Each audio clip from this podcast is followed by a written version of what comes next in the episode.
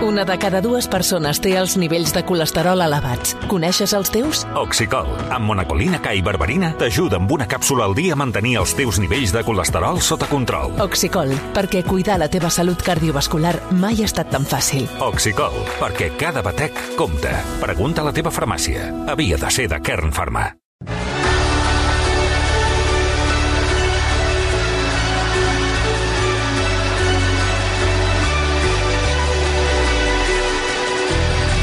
Doncs és un quart de sis de la tarda, hora d'obrir classe magistral amb el professor Xavier Sala i Martín. Xavier, bona tarda. Hola, molt bona tarda. Què tal? Benvingut, Xavier, com estàs? Molt bé, vosaltres? Molt bé. Escolta, bé, bé, molt bé. M'agradaria començar pel final de tot el que tenia previst preguntar-te, eh, perquè eh, avui hem llegit que algunes universitats australianes han decidit tornar al paper, senyor Marcelí, Home. al paper i al bolígraf, I tant. perquè cada vegada més alumnes utilitzen, bueno, n'hem comentat eh, alguns aquests dies, els programes d'intel·ligència artificial, com el xat GPT, per fer, per fer treballs, i ara faran exàmens escrits a mà per evitar les trampes. No sé, Xavier, les teves classes, si n'heu parlat o quina és la Sí, teva sí. teoria sobre aquesta qüestió. Sí, sí, eh, jo, jo faig igual. Eh, a veure, els... És, jo crec que és molt important i és molt bo pels estudiants que una part de l'avaluació sigui sobre la seva capacitat de fer recerca, no? de d'escriure un article. No necessàriament l'avaluació ha de ser allò, un examen a davant teu, no? que t'assegures que no copien, etc. No? Mm. Uh, I a mi m'agrada molt posar treballs, que els estudiants vagin a casa, estiguin un mes eh, fent investigacions i tal, i escriguin un treball. Clar, ara han aparegut, eh, i, i, i jo, jo tinc, una, tinc classes de, de, de 350 estudiants, mm. i òbviament els treballs no els corregeixo jo, tinc un equip de, de, de corregidors que, que els corregeixen, no? Aleshores, què passa? Que com que ara hi ha la possibilitat d'anar en aquests programes, no? en el xat GPT, Sí. i fer un treball que no, no és que sigui correcte, és que és... Eh, diguem, sembla, té, té l'aparença de ser correcte, no? Però normalment, si tu llegeixes bé en detall, veuràs que aquest, aquests programes són un desastre perquè s'inventen coses. Els tècnics, em sembla que ho anomenen, al- al·lucinen, no? Els programes aquests al·lucinen, que vol dir que eh, si no sap una cosa, bàsicament se la inventa, però ho, ho escriu tan bé que sembla verídic. I, I, per tant, si tu llegeixes amb molt de detall tot el treball, doncs al final pots veure que, doncs, que, que s'ha inventat, que s'ha inventat coses que no existeixen, que s'ha inventat articles que no existeixen, que cita treballs que no existeixen, que fa afirmacions que són falses, però això requereix una feina molt més eh, detallada, una feina molt més gran dels corregidors. I aleshores, si seguim posant treballs en els nostres estudiants, el que fem és augmentar innecessàriament la feina dels corregidors i, per tant, a mi em sembla injust pels pobres corregidors, que normalment també són estudiants de doctorat, són gent eh, estudiants avançats, i per no posar aquesta feina addicional innecessària eh, en els estudiants de doctorat, doncs el que acabarem fent, l'any que ve ja hem decidit que no posarem treballs i que tornarem a avaluar eh, amb exàmens. Carai. I això, insisteixo, això és dolent pels estudiants perquè els estudiants els hi beneficia.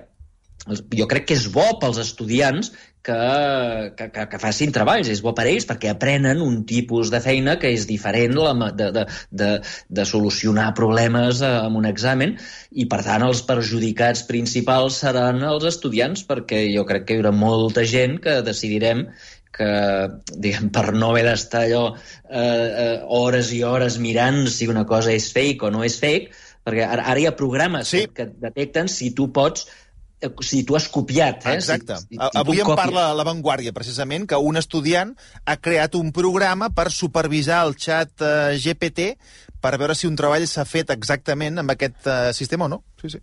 Sí, però això, això eh, no, no sé si funcionarà. El que sí que sabem ara és que hi ha programes que si tu, si un, un estudiant copia un tros sencer d'un article, això es detecta fàcilment, no? I tots allà a la universitat ja tenim un, un detector automàtic a la que un estudiant presenta un article i ja sabem si hi ha trossos que els han copiat o no. Uh, per tant, això no és un problema. El problema és que aquest xap GPT uh, s'inventa, o sigui, fa, fa una, una, un, un text nou que no existeix enlloc i per tant no, no l'ha copiat d'enlloc i per tant eh, al·ludeix els detectors tradicionals de, de còpia. Uh, I, per tant, uh, això crearà, no, fins que algú uh, faci un programa de detecció d'això que dius, sí. uh, que funcioni, que, que sapiguem segur que els estudiants no han utilitzat aquests programes de, de coses inventades per fer de treballs, jo crec que molts, serem molts professors que deixarem de fer-ho, deixarem de fer, eh, uh, demanar, d'exigir de, de, eh, com a part de la nota que facin un treball i els grans perjudicats, repeteixo, són els propis estudiants. Doncs eh, reitero que, que ho he vist avui, que, que cada vegada, evidentment, quan feta la llei, feta la trampa, doncs ara algú s'ha dedicat a crear una eina que supervisa els resultats d'aquest xat per veure si són reals o no són reals i, a més a més, doncs, eh, explica o denuncia o esquiva, d'alguna manera, per dir-ho en vocabulari estudiantil, quan algú ha fet servir aquesta eina per respondre alguna pregunta o fer algun treball. Doncs aquesta és la realitat eh, i aquestes són les eines que, que de moment s'hi estan posant per, com a mínim, identificar-la. Però canviem d'història perquè Europa busca treballadors. Fa falta mà d'obra per cobrir tots els llocs de treball i per això diversos països, entre els quals hi ha l'estat espanyol, estan impulsant mesures per atraure empleats estrangers. Alemanya, per exemple, ha reduït la burocràcia, ha facilitat l'homologació de títols i ha permès l'arribada de persones sense contracte amb visats temporals. França prepara una nova llei migratòria que facilitarà la contractació d'immigrants sense papers i també demandants d'asil en aquells sectors on facin treballadors, on faltin treballadors, i l'estat espanyol també ha aplicat canvis normatius per facilitar la integració de mà d'obra estrangera. La pregunta és per què falten, per què falten treballadors, Xavier? Bé, eh, doncs depèn. Eh, el, de, depèn eh, el, una de les raons és que, eh, diguem, la feina... O sigui, la pregunta és per, per què falten treballadors? En un moment en què hi ha un atur molt elevat, eh? perquè recordeu que l'atur és molt alt. Llavors, eh, clar, pot semblar incongruent. I no? l'atur juvenil encara més. És a dir... Si tenim allí molta gent que, no, que busca feina i tenim moltes feines sense treballadors, el que els experts anomenen vacants, no? si hi ha moltes vacants a cobrir i hi ha molt d'atur, com pot ser que no agafem els treballadors que estan a l'atur i els posem en aquestes vacants? I la resposta és que el, diguem, les qualificacions que tenen els aturats són diferents de les qualificacions que es requereixen. Yeah. Eh? Dit d'una manera així senzilla, no? Si falten infermers o infermeres i els aturats són economistes, veurem que per una banda hi ha atur, que són els economistes, i per altra banda hi ha vacants. I el problema és que no podem posar els economistes a fer d'infermers perquè no en saben, no? Si hi ha llauners però els aturats són recepcionistes d'hotel, doncs tindrem que hi ha atur i a la vegada hi haurà moltes vacants perquè els recepcionistes d'hotel no saben fer de llauners, no?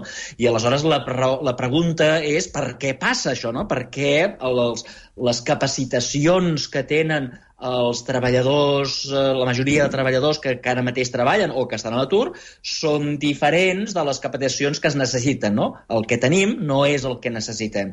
I aquí hi ha tres raons. La primera és que l'educació que reben els estudiants no és la que es requereix al mercat. Perdona, eh? t'interrompo aquí, eh? I com ha pogut passar això? És a dir, hi ha, una, hi ha una desconnexió entre les universitats i el mercat laboral o les empreses? Bueno, no només dels, de les universitats, sinó de la gent, no? els estudiants. Els estudiants, molts es van per modes, no? Escolta'm, el, ara no està de moda fer de llauner o fer de pagès, no? Jo el que vull és fer una carrera i el que vull és fer de metge o de comptable o, per, o a treballar per McKinsey, no? i això és el que m'interessa a mi.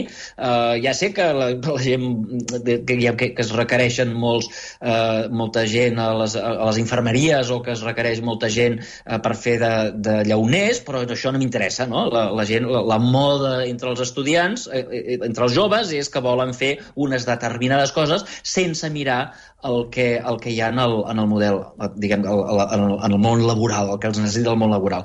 Una altra explicació és que uh, l'educació no és la correcta perquè diguem, el que, el que estem ensenyant ara no és el que van aprendre els treballadors. Pensa que els treballadors d'avui dia eh, són majoritàriament gent gran, eh? la, la major part dels treballadors avui dia tenen més de 50 anys, i el que van estudiar no es correspon amb el que es necessita avui dia perquè el món ha canviat.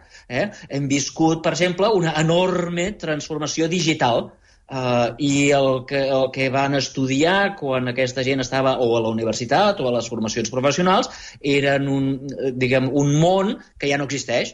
Uh, hi ha una gran transformació ecològica, no? I, per tant, hi ha és a dir, moltes, moltes empreses que necessiten uh, tenir, utilitzar tecnologies d'acord amb, el, amb, el, amb el tema ecològic o amb el tema de reducció d'emissions, etc etc. I, per tant, la preparació que té la gent que van eh, que, van, eh, que van ser educats en el passat, però que són els treballadors d'ara, doncs no, no es correspon perquè el canvi tecnològic aquest no només existeix, sinó que cada dia és més ràpid. No? Um, I la tercera raó és que no es deixa uh, perquè el govern normalment eh, és un gran empleador eh, de molts d'aquests sectors, no es deixa que el sistema de salaris i preus funcioni. Eh? És a dir, si falten infermers i infermeres, eh, el que hauria de passar és que els hospitals competissin entre ells i que pugessin els salaris, i això faria que molts dels xavals joves que diuen escolta'm, jo vull ser advocat, però escolta'm, si faig infermer resulta que cobraré un paston. Eh, I aleshores molta gent estudiaria eh, farmàcia. Però, com que els salaris no pugen perquè estan determinats pel govern, perquè la major part d'hospitals són, són uh, públics, etc etc, doncs això fa que, com que els salaris de la gent que no... Que, que, diguem, de de, de les feines, de les ocupacions a les quals hi ha escassetat, no pugen de manera automàtica, doncs de manera automàtica no se soluciona uh, el problema, no? Uh, I, aquest és, i aquest, aquests, aquests són problemes diguem que, que ja tenim ara, però que aniran a pitjor. Yeah. Eh, perquè fixa't que el canvi tecnològic cada dia és més ràpid. Cada dia, i ara fa un moment parlàvem no, de, les, de la possibilitat d'escriure textos que semblen escrits per persones normals. No? Això farà que hi hagi una transformació a moltíssims sectors. Um, també hi ha canvis en el món de la biomedicina, de, de, de, de, de, hi ha canvis tecnològics, el que anomenem la quarta revolució industrial, canvis tecnològics a tots els sectors d'una manera rapidíssima. Eh? Recordeu que fa eh, que, que l'iPhone, diguem que és una eina que ara tots tenim a la butxaca, um, uh, va aparèixer l'any 2007. 2007 és a dir, fa quatre dies no teníem iPhones i, i ara ja és una cosa absolutament normal, no? El canvi tecnològic és tan bèstia, tan brutal i tan ràpid que aquest problema no farà més que empitjorar. Eh? Cada vegada hi haurà una, di una divergència més gran entre les capacitacions de la població que inclou els que estudien ara, però que també inclou els que van estudiar fa 10 anys, 15 anys, 20 anys o 30 anys, eh, i les capacitacions que requereix la nova economia moderna. És que ara em sembla molt interessant el que estem comentant. Agafant aquesta branca de l'educació, tu ara, eh, un jove, un adolescent que que estigui pensant en el futur i que vulgui entrar a la universitat i escollir una carrera, què, què li diries? Com el guiaries? A veure, és que jo crec que el problema eh, no, no el pot arreglar una decisió d'un o d'un grup de, de, de, de, de estudiants individuals uh, perquè és un problema molt, molt més profund. Uh, és a dir, uh, les feines que hi haurà d'aquí 5 anys, d'aquí 10 anys, d'aquí 20 anys, d'aquí 30 anys, no només no existeixen, sinó que ningú és capaç d'imaginar-se-les. Eh? Uh, uh, jo sempre, sempre poso e, exemples. I, i, imagineu que aquest programa el fem fa 100 anys. Mm. Eh? Aviat, uh, aviat. Fa 100 anys i, i algú ens pregunta quines són les feines del futur. Eh? Algú diria que hi ha gent que viu de fer programes de ràdio? Fa 100 anys, uh, algú diria que hi ha gent que viu de jugar a futbol, yeah. uh, de ser presentació de televisió, de ser youtuber, de ser influencer, de... és a dir, mireu les professions que fem ara, que són normals ara, com la vostra, ara mateix, fem un programa de ràdio, imagineu. Uh, i, i, I clar, fa 100 anys era inimaginable. Fa 100 anys era inimaginable. Uh, doncs això que ha canviat molt en els darrers 100 anys, ara ho projectem cap al futur, en un món en el qual la tecnologia s'accelera és a dir, que canviarà encara més ràpid. Llavors, clar, si tu em dius, eh, escolta'm, quina és la millor carrera per preparar-se per a aquest món futur? Sí. Doncs no tinc ni idea. Perquè no, no tinc existeix. idea perquè no, ningú no té ni idea de cap on va el món. El problema és que estem encara entrenant en els xavals, en els joves, en carreres. En carreres, moltes de les quals seran obsoletes. És a dir, eh, molts dels meus estudiants es, eh, fan eh, economia, diguem, fan eh, comptabilitat, no? Mm. Eh, jo, estem segurs que d'aquí 20 anys existiran els comptables? Què faran tots els xavals que han estudiat comptabilitat i que només han estudiat comptabilitat? perquè s'han passat quatre anys de la carrera, han estudiat algunes coses generals i tal, però bàsicament el que han fotut és comptabilitat. Clar, aquest xaval, si de sobte ve una intel·ligència artificial i fa la comptabilitat, què faran? No podran fer res perquè bàsicament van fer una carrera. El problema és que existeixen les carreres en les quals preparem, hiperpreparem a la gent a fer tasques molt, molt, molt, molt concretes, perquè quan, els, quan diguem economia o quan diem medicina, no ensenyem medicina.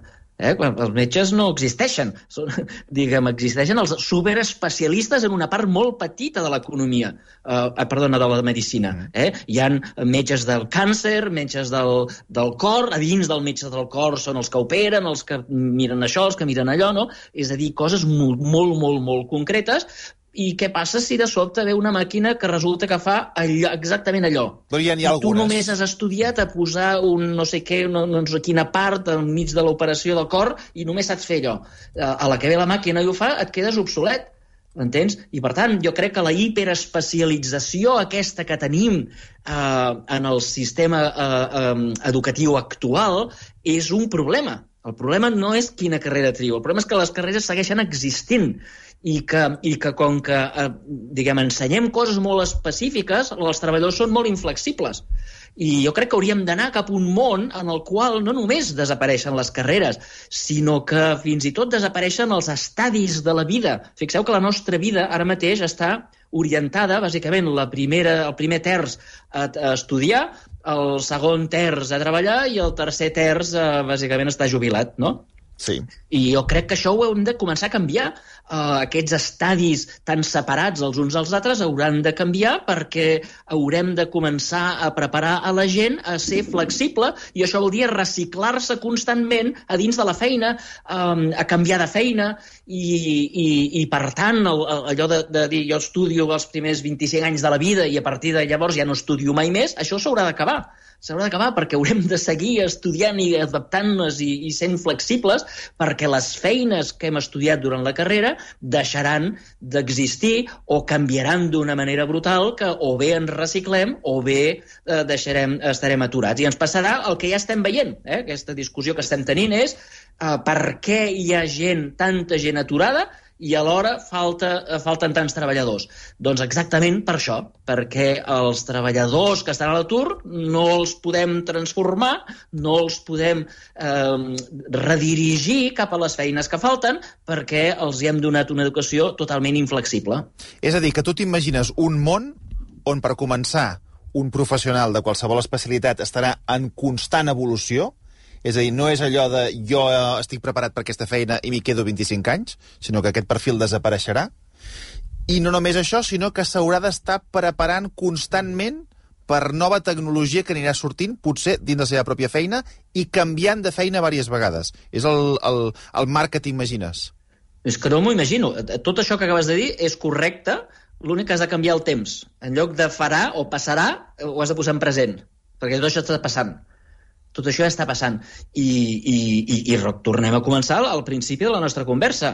Una màquina, o sigui, tu, vosaltres sou periodistes, uh, una màquina que de sobre, sobte pot, pot escriure igual o millor que els periodistes. Mm. I li poses quatre dades sobre un partit de futbol, ha marcat aquest, ha marcat aquell altre, eh, jugant no sé què, i et fot una crònica i, i, indistingible del que escriuria un humà. Uh, tu creus que això canviarà la feina dels periodistes? Uh, òbviament canviarà sí, sí. la feina dels periodistes. Uh, I això no és una cosa de futur, això és una cosa de, de present, ja existeix. Um, I com això, totes les tecnologies que cada dia, cada dia estan apareixent i que cada dia fan que una part dels treballadors eh, una part de les tasques que fan molts treballadors siguin obsoletes, que, diguem, eh, i, diguem, no, no siguin obsoletes, siguin, siguin, desapareguin les tasques i, per tant, les capacitacions dels treballadors passin a ser obsoletes. Um, o bé aquest món, diguem, si, si seguim tenint gent inflexible, que jo em vaig educar amb el Word i només sé fent el Word eh, per fer articles i sóc incapaç d'utilitzar aquestes noves tecnologies que existeixen, uh, si jo sóc incapaç de fer-ho, me n'aniré a l'atur i el xaval que sigui capaç de fer-ho tindrà feina. Um, I, per tant, um, diguem, el món de la gent flexible, i, i tots vosaltres us heu hagut d'adaptar. Mm. Eh? Quan veu començar a fer ràdio, no Sí, sé sí. quin any vas començar tu, però les coses han canviat molt. Mm. Uh, les oficines en les que treballàveu, abans s'escrivia a màquines, s'enviaven faxos, i, i etc. I avui dia anem amb ordinadors, i, fem, i amb whatsapps, i, i amb e-mails, etc etc. I podem consultar coses a les xarxes socials, i podem consultar coses instantàniament en qualsevol web del món. Uh, abans les coses no eren així. El món ha canviat i qui les feines uh, han canviat i els treballadors que no són capaços d'adaptar-se uh, uh, passen a estar a l'atur.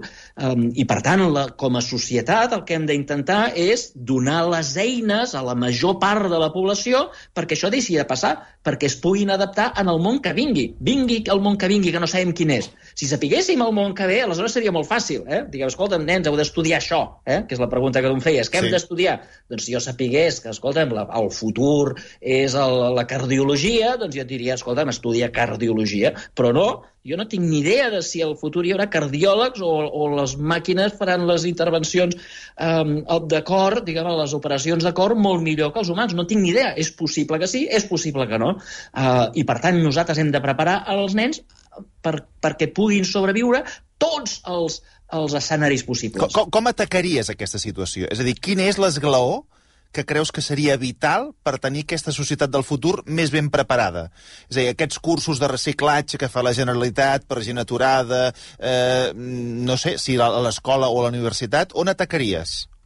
Dos, dos jo diria do, dos, dos llocs fonamentals. Un és per la gent gran, que ja està a favor de la universitat, aquests s'han de reciclar, eh? s'han d'alguna manera, no sé si els cursets de la Generalitat funcionaran o no funcionaran, però tota aquesta gent s'ha de reciclar perquè si no tindrem taxes d'atur de, de, de 10, 15, 20% durant, durant dècades.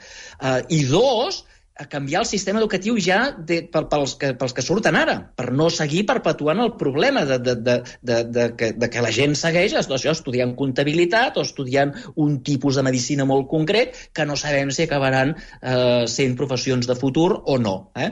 Um, I el tema educatiu jo crec que comença diguem, abans de la primària. Eh? Comença ja als sis mesos de- d'edat, eh, ja hem de començar a, a, a ensenyar als, als joves, als nens, d'una manera diferent. Uh, fix, fixa't que uh, tota l'educació, tot el sistema educatiu, di- diguem, des, de, des del el, el parvulari fins a la universitat, va, eh, va es, ensenyant aquesta especialització eh, que, que t'estava mencionant abans. Aquesta especialització que és dolenta, eh, perquè, diguem, et fa inflexible.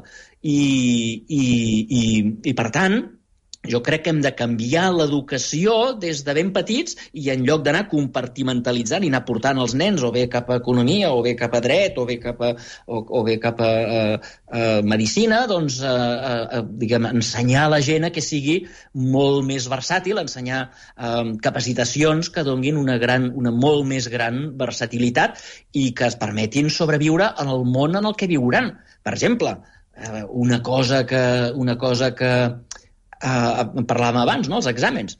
Eh, escolta'm, és, és veritat que diguem, tot el sistema educatiu d'ara està, va, estar, va estar dissenyat, bàsicament, al segle XIX, eh, amb algunes excepcions. Eh? Hi ha escoles que ja ho estan començant a fer bé, però amb una majoria, i això inclou totes les universitats, són eh, educació, sistemes educatius dissenyats al segle XIX, per l'era industrial en el qual hi havia escassetat de dades.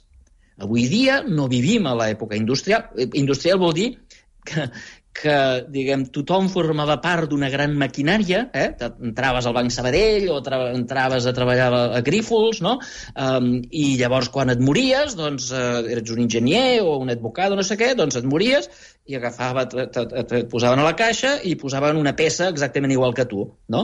Uh, es, es moria un advocat del Banc Sabadell, doncs fora, i posem un altre advocat que, que fas exactament la mateixa feina. I tots formaven part d'aquesta gran maquinària en la qual tots eren peces separades uh, i molt, molt, molt específiques.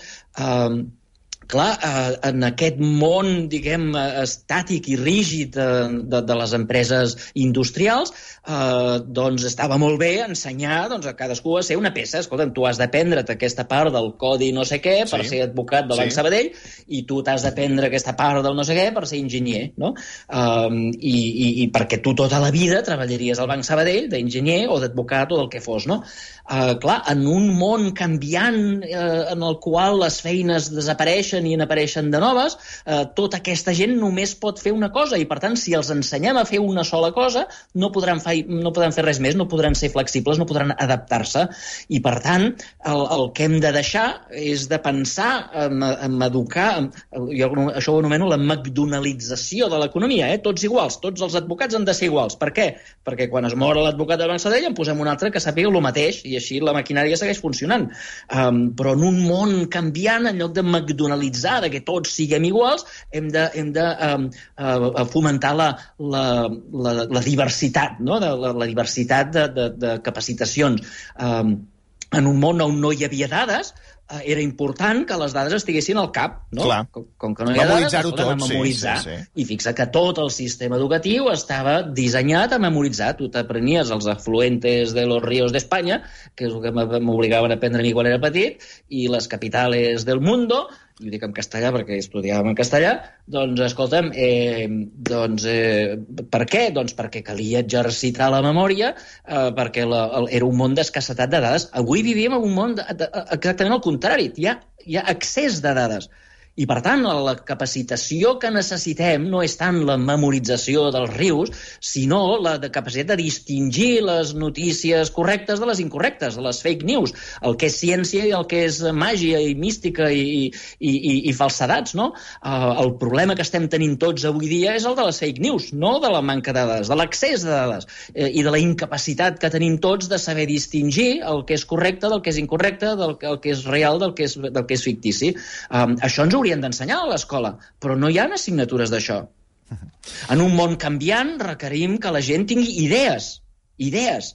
Uh, una idea, una idea té dos components importants. Tota idea té una pregunta i una resposta. Eh? Uh, algú es pregunta, escolta'm, per què això funciona així, uh, i llavors troba la resposta, i això es diu innovació, una nova idea. Estem d'acord? Sí. Uh, fixa't que a totes les escoles, incloent les universitats, ens ensenyen a trobar respostes. Eh? L'examen què és? El professor fa preguntes i els nens responen. Ningú t'ensenya a fer preguntes. Ningú. I això, clar, quan els estudiants arriben i surten de la universitat i resulta que els diem "Ah, no, hem de ser creatius. Com collons vols que sigui creatiu si ningú m'ha ensenyat a la vida a preguntar-m'ho, a preguntar-me coses? A la classe havies d'estar callat i apuntar el que deia el professor i totes les, eh, diguem, les coses, eh, diguem, tu aprenies a punts, eh? de manera que tots els coneixements que, que estaven en el llibre del professor, bàsicament, passaven a través del professor, a través del teu cervell, en, la, en els teus apunts, eh? i passaven del llibre en els apunts sense passar pel cervell de l'un ni de l'altre. I, escolta'm, i això, eh, això ha sigut tota la vida així. Tu memoritzaves allò, eh, el dia de l'examen ho vomitaves, i, i, i si ho vomitaves correctament et posaven un 10, i al cap de 15 dies te n'oblidaves. Vale? Uh, ningú uh, ensenyava creativitat, ningú ensenyava a tenir idees, ningú ensenyava uh, a, a fer-se preguntes. És més, quan algú feia preguntes, se'l castigava.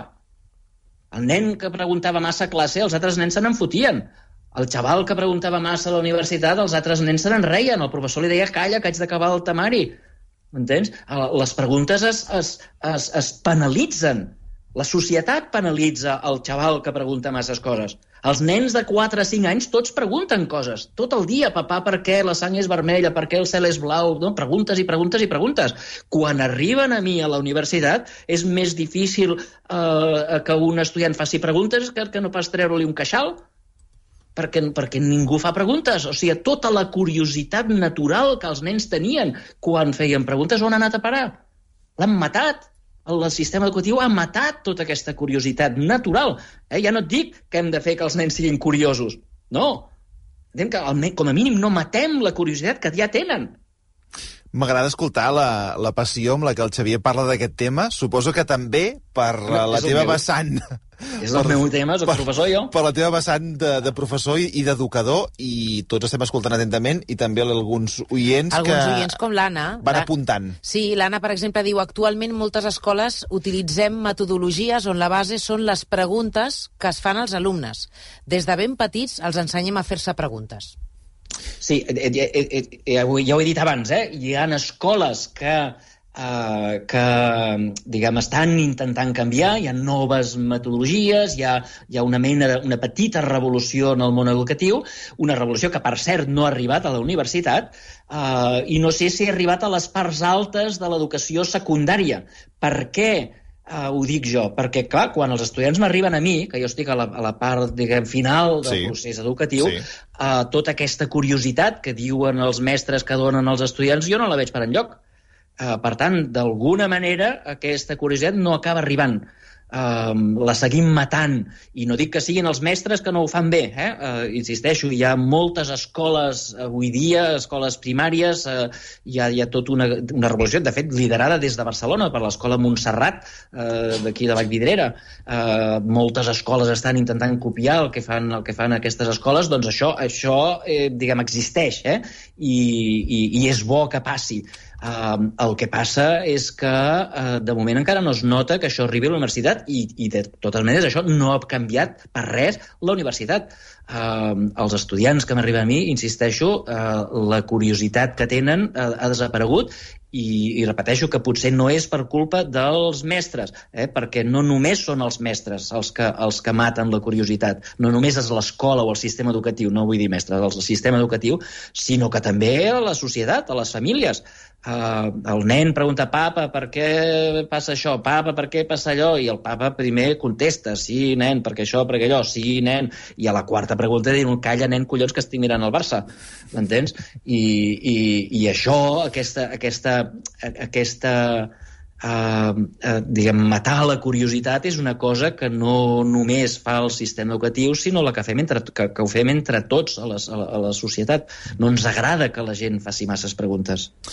Ens hem quedat a, a la segona pàgina del guió, perquè havíem de parlar de moltes altres coses que no anaven en aquesta direcció, però crec que avui ha sigut molt interessant escoltar les reflexions del Xavier d'un tema que ha obert la nostra conversa d'avui, que és que per què falten treballadors, i d'aquí hem anat estirant el fil Sí. i hem anat a parar a tots hem aquests exemples. mica però ha sigut molt interessant, Xavier. Uh, hi haurà gent que està més a favor o en contra del que estàs dient, però tots t'hem escoltat amb atenció. Moltíssimes gràcies i fins una altra. Vinga, Adéu-siau. vosaltres, gràcies, adeu.